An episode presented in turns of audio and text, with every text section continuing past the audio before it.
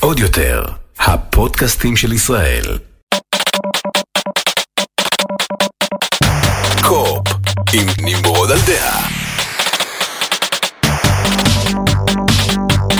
שלום חבר'ה, ברוכים הבאים לפרק מספר 61 של קו-אופ, פודקאסט הגיימינג והטכנולוגיה של טופ גיק, ועוד יותר לפני שנתחיל, תודה רבה לנותנת החסות שלנו, אמריקן אקספרס, עוד קצת עליהם בהמשך, אבל בואו נתחיל עם uh, חדשה שהגיעה עוד פעם, ישר אחרי שסיימתי להקליט את הפודקאסט הקודם, זה תמיד קורה, אני מקליט פודקאסט אחד, ואז ישר, uh, שנייה לפני שזה עולה ב live, uh, מודיעים על דבר חדש, uh, והפעם זה על תערוכת E3 שמתה.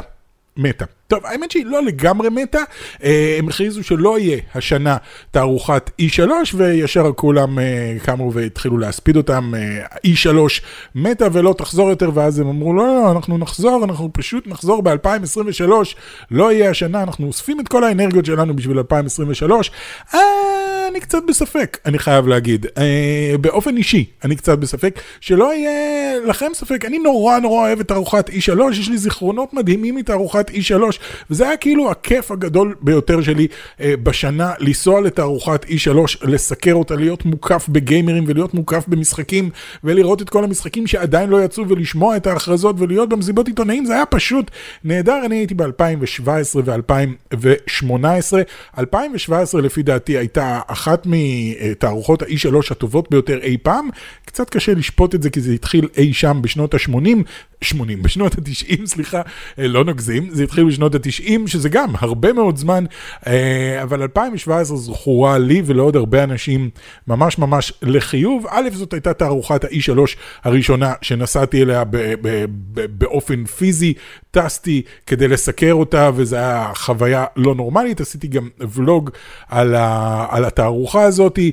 וזה היה כיף גדול, אבל מעבר לזה גם uh, חשפו את uh, ספיידרמן uh, החדש, ואת God of War, ו- ואת הרימייק של Shadow of the Colossus, שאני די בטוח שאם תקשיבו להכרזה של Shadow of the Colossus, איך שמתחיל הטריילר, אני הייתי אחד מהראשונים בקהל שקלט על מה מדובר, וקלט שזה Shadow of the Colossus, כי זה אחד המשחקים האהובים עליי בכל הזמנים, ואני חושב שאפשר לשמוע אותי בקהל צועק, Oh my God! Oh האמת שנכנסתי כמה פעמים. כי כשאני עשיתי את זה, כשאני צעקתי Oh my God, oh כולם הסתכלו עליי כדי להגיד מה, מה זה המשחק הזה, עוד לא, עוד לא הבנו על מה מדובר, כי אנשים עדיין לא קלטו שמדובר ברימייק ל-Shadow of the Colossus, ואני ישר קלטתי וצעקתי oh my God, ואני די בטוח שאפשר לשמוע את זה בהקלטה, אני לא הצלחתי, תנסו אתם להיכנס לחשיפה של הרימייק של Shadow of the Colossus, ותגידו לי אם אתם שומעים אותי אומר oh my God, לפחות אצלי בראש זה היה נורא נורא חזק. אז 2017 הייתה תערוכה מדהימה וסופר נהניתי, והיא הייתה פתוחה אך ורק לעיתונאים, כמו רוב התערוכות שהיו לפני זה, או למעשה כל התערוכות שהיו לפני זה, זה היה פתוח רק לעיתונאים. אז אתה מגיע בתור עיתונאי, יש לך טאג עיתונאי, ואתה אה, זוכה לשחק במשחקים הכי חדשים, ולקבל הדגמות, אה, וכל מיני סקופים, ולראות את המסיבות עיתונאים וכאלה, וזה תענוג וזה נהדר. בשנת 2018, כשחזרתי לשם, הם כבר הכניסו את הקהל הרחב, כל אחד יכל לקנות כרטיס, אם, אם הספקת לקנות כרטיס אתה יכול להיכנס, כנראה שהם התחילו לדמם כסף אז או משהו, אני לא יודע, אבל הם אה, עשו צעד כזה ואמרו יאללה, כולם יכולים להיכנס, והיה מפוצץ. עכשיו, כשהייתי ב-2017, היה נורא לחוץ שם, אבל היה לחוץ טוב כזה, זה היה לחוץ בגלל שכאילו יש לך סדר יום, ואתה צריך ללכת, יש לך הדגמה של טום ריידר החדש בשעה 12 באולם H, ואחר כך באולם uh, D יש לך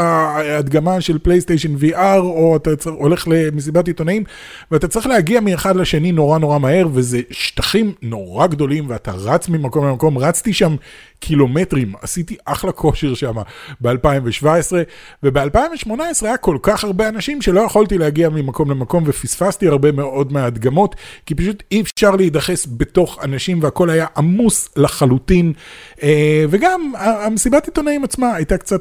קצת פחות מדהימה, אני זוכר ב-2017 המסיבת עיתונאים של סוני הייתה מושלמת, הייתה מסיבת העיתונאים המושלמת. עלה שון ליידון בהתחלה, אני לא יודע אם אתם זוכרים, אבל פעם, לא כזה פעם, אה, תערוכות E3 היו קרינג' מוחלט. היו עולים כל מיני, א', היו מכריחים מפתחי משחקים לעלות על במה מול אלפי אנשים ומול מיליוני אנשים בבית ולדבר על המשחק שלהם, והם מפתחי משחקים, הם רגילים להיות מול מסך ולקודד, הם לא רגילים לעמוד על במה, והם היו מאוד מאוד נבוכים, ואתה יכול לראות את זה עליהם, ואתה יכול לראות שהם סופר לחוצים ובקושי מצליחים להגיד את מה שהם רוצים, או שמצד שני היה כל מיני אנשי עסקים שבאו בחליפות וניסו להיות מגניבים וניסו לשחק אותה כאילו שהם אנחנו צעירים כמוכם, וזה תמיד יוצא קרינג' נוראי.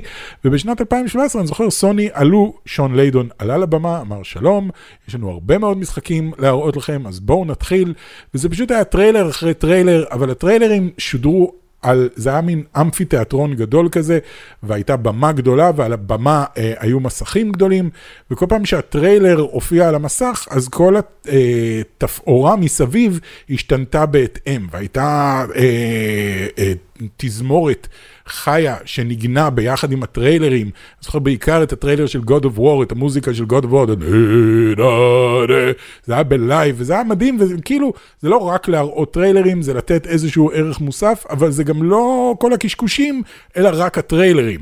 אז הם הצליחו למצוא את, ה, את, ה, את האיזון הנורא אה, נכון הזה.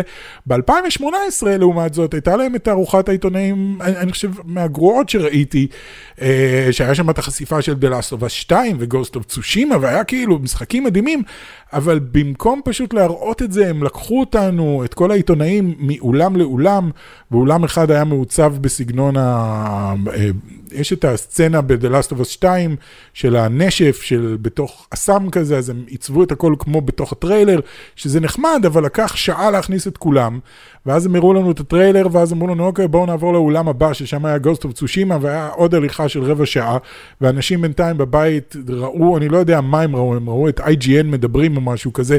בקיצור, זאת הייתה תערוכה לא טובה, ואחרי זה הם בכלל אמרו, אנחנו לא מופיעים יותר אה, ב-E3, לא נגיע יותר ל-E3, זה מה שסוני אמרו, אה, ובאמת שנה אחרי זה סוני לא הגיעו, גם אני לא הגעתי, ב-2019 לא הייתי, ואז הגיע 2020.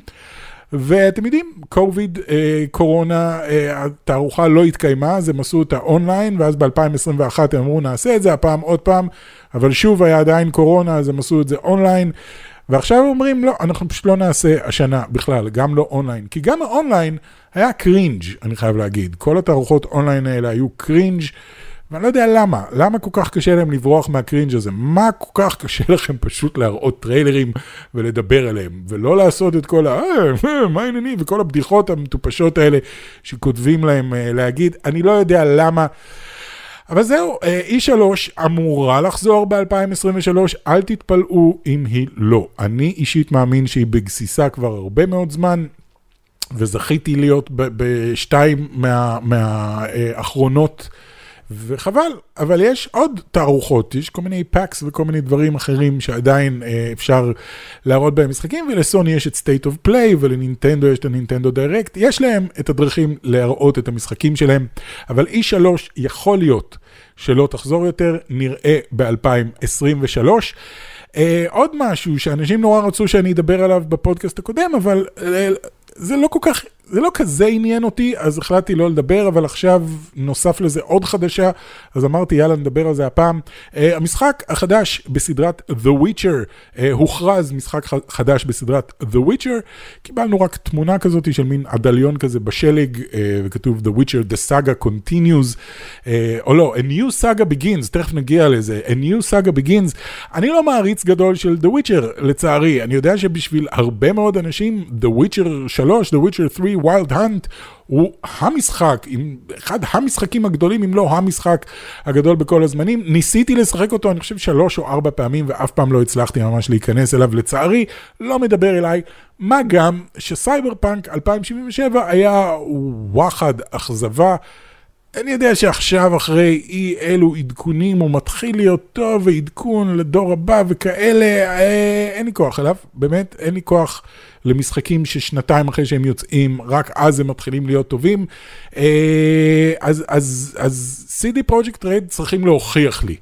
שהפעם זה משהו שידבר אליי. מה שהם כן אומרים, זה שהמשחק הזה יהיה עם המנוע של Unreal 5. זאת אומרת, הם, הם הכריזו על המשחק תוך כדי שהם הכריזו שהוא יהיה על המנוע Unreal 5, ושיש להם שיתוף פעולה ביחד עם אפיק, שמייצרים את uh, המנוע של Unreal 5, כדי ליצור את המשחק היפה ביותר וה-whatever ביותר שאפשר.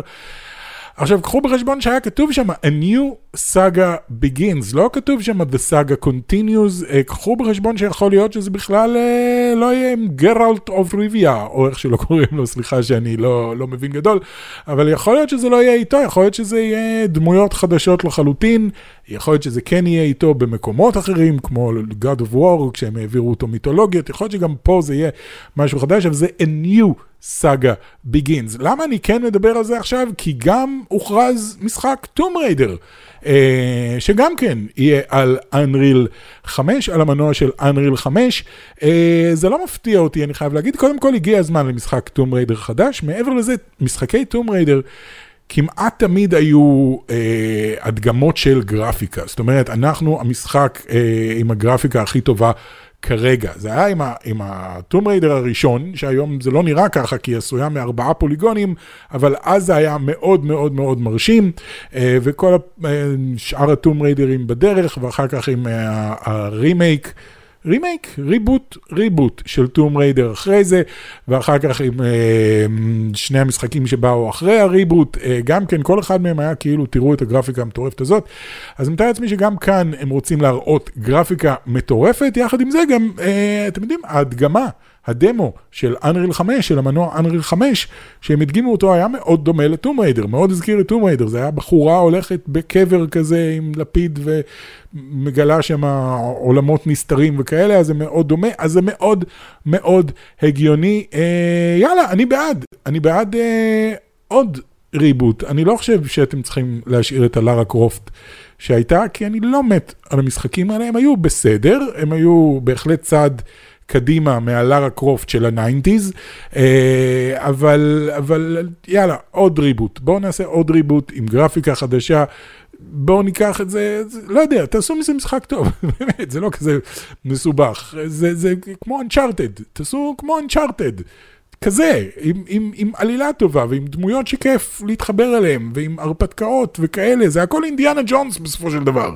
אינדיאנה ג'ונס אחר כך עשו את לארה קרופט, כי הם רצו לעשות משחק של אינדיאנה ג'ונס, אבל לא היה להם את הזכויות על אינדיאנה ג'ונס, והם לא רצו שיתבעו אותם עם אינדיאנה שמונס, אז הם עשו אותה בחורה וקראו לה לארה קרופט. אחרי זה לארה קרופט השפיעה על אנצ'ארטד, uh, ואז אנצ'ארטד היה יותר טוב מלארה קרופט, אז אחר כך עשו ריבוט לטום ריידר שיהיה כמו אנצ'ארטד. בקיצור, אה, זה, זה, ועוד מעט אמור להגיע גם משחק חדש של אינדיאנה ג'ונס, אז יהיה מעניין לראות איך הם משפיעים אחד על השני. בקיצור, יהיה מעניין לראות. ורגע לפני שאנחנו ממשיכים בפודקאסט, בואו נגיד תודה לנותנת החסות שלנו, אמריקן אקספרס, שמשווקת את כרטיס האשראי אמריקן אקספרס פלטינה, שפותח לכם שער לעולם של חוויות משודרגות. אני מכיר אתכם, אתם אוהבים לנסוע לחו"ל ולעשות את זה בסטייל, אז הכרטיס אמריקן אקספרס פלטינה מאפשר לכם כניסה למאות טרקליני VIP ברחבי העולם, וגם חברות במגוון תוכניות אירוח בינלאומיות, במלונות כמו הילטון, רדיסון, מריוט ועוד שירותי קונ... קונסיירג' שישדרגו לכם את החופשה ככה בדיוק כמו שצריך. בכל שימוש בכרטיס תצברו נקודות שתוכלו להפוך להנחות בכל חברות התעופה וגם במגוון מלונות בארץ ובעולם ועוד המון המון הטבות, אירועים וחוויות ייחודיות. המנפיקה פרימיום אקספרס בע"מ ו/או ישראכרט מימון בע"מ, אי עמידה בפירעון ההלוואה או האשראי עלול לגרור לחיוב בריבית פיגורים והליכי הוצאה לפועל. ועכשיו, בואו נחזור לפודקאסט. והנושא הבא הוא שאני שמח להגיד לכם שעושה רושם שה-NFT מתחיל למות. אה, אם אתם זוכרים, עשיתי סרטון על NFT לפני כמה זמן ועל למה זה סכם אחד גדול, ואל תקנו NFTs ואין לכם מה לחפש בתחום הזה של NFT, גם קריפטו זה די סכם, אבל NFT זה לחלוטין סכם, אה, ועושה רושם שה-NFT מתחיל למות, ואני די שמח, אז אמרתי בוא נדבר על זה. קודם כל, אה, מבחינת חיפוש, מילת החיפוש NFT, וקריפטו אה, בגוגל ירדו, שתי המילות חיפוש האלה ירדו בצורה כאילו דרסטית והן קרובות לתחילת הבאז. כשהתחיל רק הבאז על NFT והכל התחיל לצמוח למעלה ופתאום כולם רק דיברו על NFT כל הזמן, אז עכשיו זה ירד חזרה, זה נראה כמו הר כזה, אה, ועושה רושם שהחיפוש לפחות, או העניין של הציבור בתחום הזה של NFT ושל קריפטו מתחיל לרדת אה, ומתחיל להיעלם, ואני שמח מאוד, כי אני מאוד מאוד... נגד כל השטות הזאת של ה-NFT. אני לא אכנס פה עוד פעם ללמה זה סקאם, אבל uh, אתם מוזמנים להסתכל ב- באחד הפודקאסטים הקודמים, אני לא זוכר איזה פרק זה היה, שדיברתי שם בהרחבה. Uh, אז, אז סוף סוף ההתלהבות הזאת מ-NFT יורדת, מעבר לזה גם כל חברות הגיימינג של לאורך uh, החודשים האחרונים כל הזמן אמרו, היי, hey, יש לנו NFT, נכון שאתם אוהבים NFT? וכולם אמרו להם, לא. לא, אנחנו לא אוהבים NFT, אבל נכון שאתם רוצים שנמכור לכם דברים ב-NFT וכולם, לא, אנחנו לא. וכל פעם שאיזושהי חברה, אה, חברת משחקים הודיעה, היי, יש לנו משחק שמשתמש ב-NFT, ירדו עליהם, אה, אה, עשו להם downvote, עשו להם שיימינג, עשו להם מה שאתם רוצים, כולם כאילו נורא הבהירו להם, לא, ותפסיקו, ועושה רושם שגם החברות מתחילות להפנים את זה, כי אני, אני לא שמעתי לאחרונה על שום פרויקט NFT, וטוב שכך, כי נניח אחד הפרויקטים של ה-NFT אה, שהיו אה, בחודשים האחרונים אה, ובשנה האחרונה זה היה משחק רשמי של פורמולה אחת, אה, מרוצים של פורמולה אחת, משחק רשמי שלהם שהיה כולו מלא ב-NFT ויכולת לקנות מכוניות ב-NFT והן שוות כסף וזה לפי המרוצים והנהגים וכאלה וב-NFT פשטו את הרגל. בקיצור, המשחק נסגר, הם הודיעו שהם לא הצליחו להחזיר לעצמם את הרישיון הרשמי של פורמולה אחת, אז המשחק אה, נסגר, ומה שזה אומר זה שכל האנשים שהשקיעו הרבה מאוד כסף ב-NFT הזה, יש להם עכשיו, אתם יודעים, כלום ביד. כלום, יש להם כמו קלף ריק. היה להם uh, ביד תמונה של uh, ג'ול שומאכר, או אני לא יודע, זה השם היחידי שאני מכיר מעולם המרוצים, uh, שהוא שווה 100 אלף דולר, והיום הוא שווה אפס, כי אין להם למי למכור את זה, המשחק לא קיים. אז, אה, ובאמת היה מישהו שקנה מכונית פרארי וירטואלית ב-NFT ב-100 אלף דולר, הוא השקיע 100 אלף דולר מתוך אמונה שיום אחד זה יכניס לו מיליונים, ועכשיו כלום, זה לא שווה אגורה שחוקה. אה, אז זאת הבעיה אה, העיקרית עם NFT. מעבר לזה, גם המשחק... NFT הכי מצליח שיש היום, שקוראים לו Axie Infinity, שהוא בעצם כמו פוקימון כזה, אה, רק, אה, רק עם NFTs, כאילו אתה מוצא כמו פוקימונים כאלה, שזה אקסולוטים אני חושב, אתה מוצא אותם אה, ואתה מוכר אותם וקונה אותם ו trading וזה, והכל ב-NFT, וזה המשחק הכי מצליח, הם עשו 4 מיליארד. דולר בשנה האחרונה מקריפטו ומ-NFT ומכל ה... הם לא עשו 4 מיליארד. השחקנים העבירו ביניהם 4 מיליארד דולר. זאת אומרת, יש שם הרבה מאוד כסף, אבל לאחרונה האקרים אה, פרצו למשחק וגנבו ממנו 650 מיליון דולר ב-NFT. זה יותר מחצי מיליארד דולר, סליחה, בקריפטו, לא ב-NFT, הם, הם, הם גנבו 650 מיליון דולר באת'ר. ו oh my God, זה הרבה מאוד כסף, זה הרבה מאוד כסף, זאת הפריצה השנייה הכי גדולה אי פעם למשחק, אני חושב, או משהו כזה, מבחינת אה, כמות הכסף שהם גנבו. ואתם יודעים, כל זה לא עוזר, כל זה לא עוזר לעולם ה-NFT וכל זה לא עוזר לעולם הקריפטו וכל זה לא עוזר לאף אחד. תפסיקו להשקיע בשטויות האלה, חברים, תשאירו את זה לסוחרי הבורסה, כי, בסך, כי בסופו של דבר הקריפטו זה מניות שלא מחוברות לשום חברה. זה העניין. זה מניה שיכולה לעלות ולרדת בהתאם לכלום. לא להצלחה של חברה מסוימת, אלא בהתאם להצלחה של המניה עצמה. ואתם לא סוחרי מניות. אם אתם כן סוחרי מניות, תהנו. אם אתם לא, עזבו את התחום הזה בשקט. אתם סתם תפסידו עליו כסף. זה תרמית פירמידה אחת גדולה. אמ, בקיצור, אני רוצה לסיים עם אה, איזשהו תחום, אם אנחנו כבר מדברים על תחום שיש עליו באז מאוד מאוד גדול, ולא ברור אם הוא אמיתי או לא. אה, עוד אחת מהמילות באז האלה שמתרוצצות בזמן האחרון, יחד עם NFT ועם קריפטו, זה כל העניין של מטאוורס, שגם כן הם מבטיחים שם למכור NFT, למרות שאף אחד לא באמת רוצה את זה. אז זה היה את כל הסיפור של המטאוורס של חברת מטא, מה שהיה פייסבוק, שהיא די מטא, היא הולכת ועדיין צוללת, למרות שלא, הם קצת, קצת חזרו לעצמם, אבל מטא הבטיחו לעשות מטאוורס, ויש עוד כל מיני חברות שאומרות, לא, אנחנו עושים את המטאוורס, ונראה שאף אחד לא באמת יודע על מה מדובר ומה זה המטאוורס. אם אתם שואלים אותי מה זה המטאוורס, ואתם שואלים, כי בגלל זה אתם כאן בפודקאסט הזה, uh, המטאוורס הוא, הוא, הוא, הוא לא שייך, א', לא יהיה שייך לאף אחד, וב', הוא לא יהיה ב virtual reality. אני אומר את זה בתור מישהו שמאוד מאוד אוהב virtual reality. יש לי את ה PlayStation VR, קניתי את האוקולוס הראשון, קניתי את האוקולוס השני, את ה Quest, סליחה, את ה Quest הראשון ואת ה Quest השני. אני מאוד מאוד אוהב virtual reality, ובגלל שאני מאוד אוהב virtual reality, אני יכול להגיד לכם כבר עכשיו, זה לא העתיד.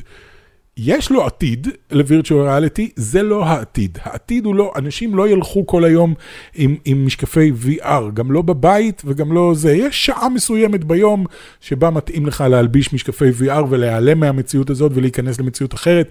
אף אחד לא רוצה את זה באופן קבוע.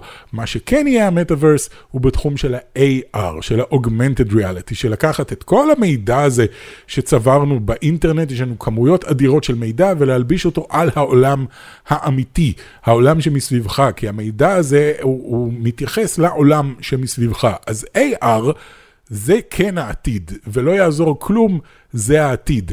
Uh, עכשיו, כרגע הדיבורים הם על משקפי AR, משקפיים ש... יום אחד יהיו קצת כמו המשקפיים שלי, יראו כמו משקפיים רגילים, אבל כן יוכלו להציג לכם מידע אה, במשקפיים שמתלבש על העולם האמיתי בתלת מימד. אם אני מסתכל על משהו רחוק, אז אני יכול לראות את המידע מצביע על הדבר הרחוק הזה שנמצא שם. אז זה העתיד. מה שכן מעניין, ואני לא חשבתי שאנחנו נגיע לשם כל כך מהר, אה, זה איזשהו פרויקט חדש של, אה, הוא לא חדש כבר, אבל אה, ראיתי הדגמה שלו לאחרונה של חברה שנקראת Mojo Vision, שהם עובדים כבר עכשיו על עדשות מגע. שמציגות uh, AR. עכשיו, עדשות מגע אמור להיות, אתם יודעים, אה, מתישהו בעתיד הרחוק, אחרי שנסיים לעבוד על המשקפיים, והמשקפיים יהיו ממש ממש טובות, אז נוכל להתחיל לעבוד על עדשות מגע, כי obviously, עדשות מגע זה לא כל כך אפשרי. וואלה, מסתבר שזה אפשרי. כרגע, אה, העדשות מגע שלהם, אה, אתם, עדיין אי אפשר ממש להכניס אותם לעיניים. אני יודע, זה נשמע מטופש, זה עדשת מגע, היא חייבת להיות בתוך העיניים. כרגע...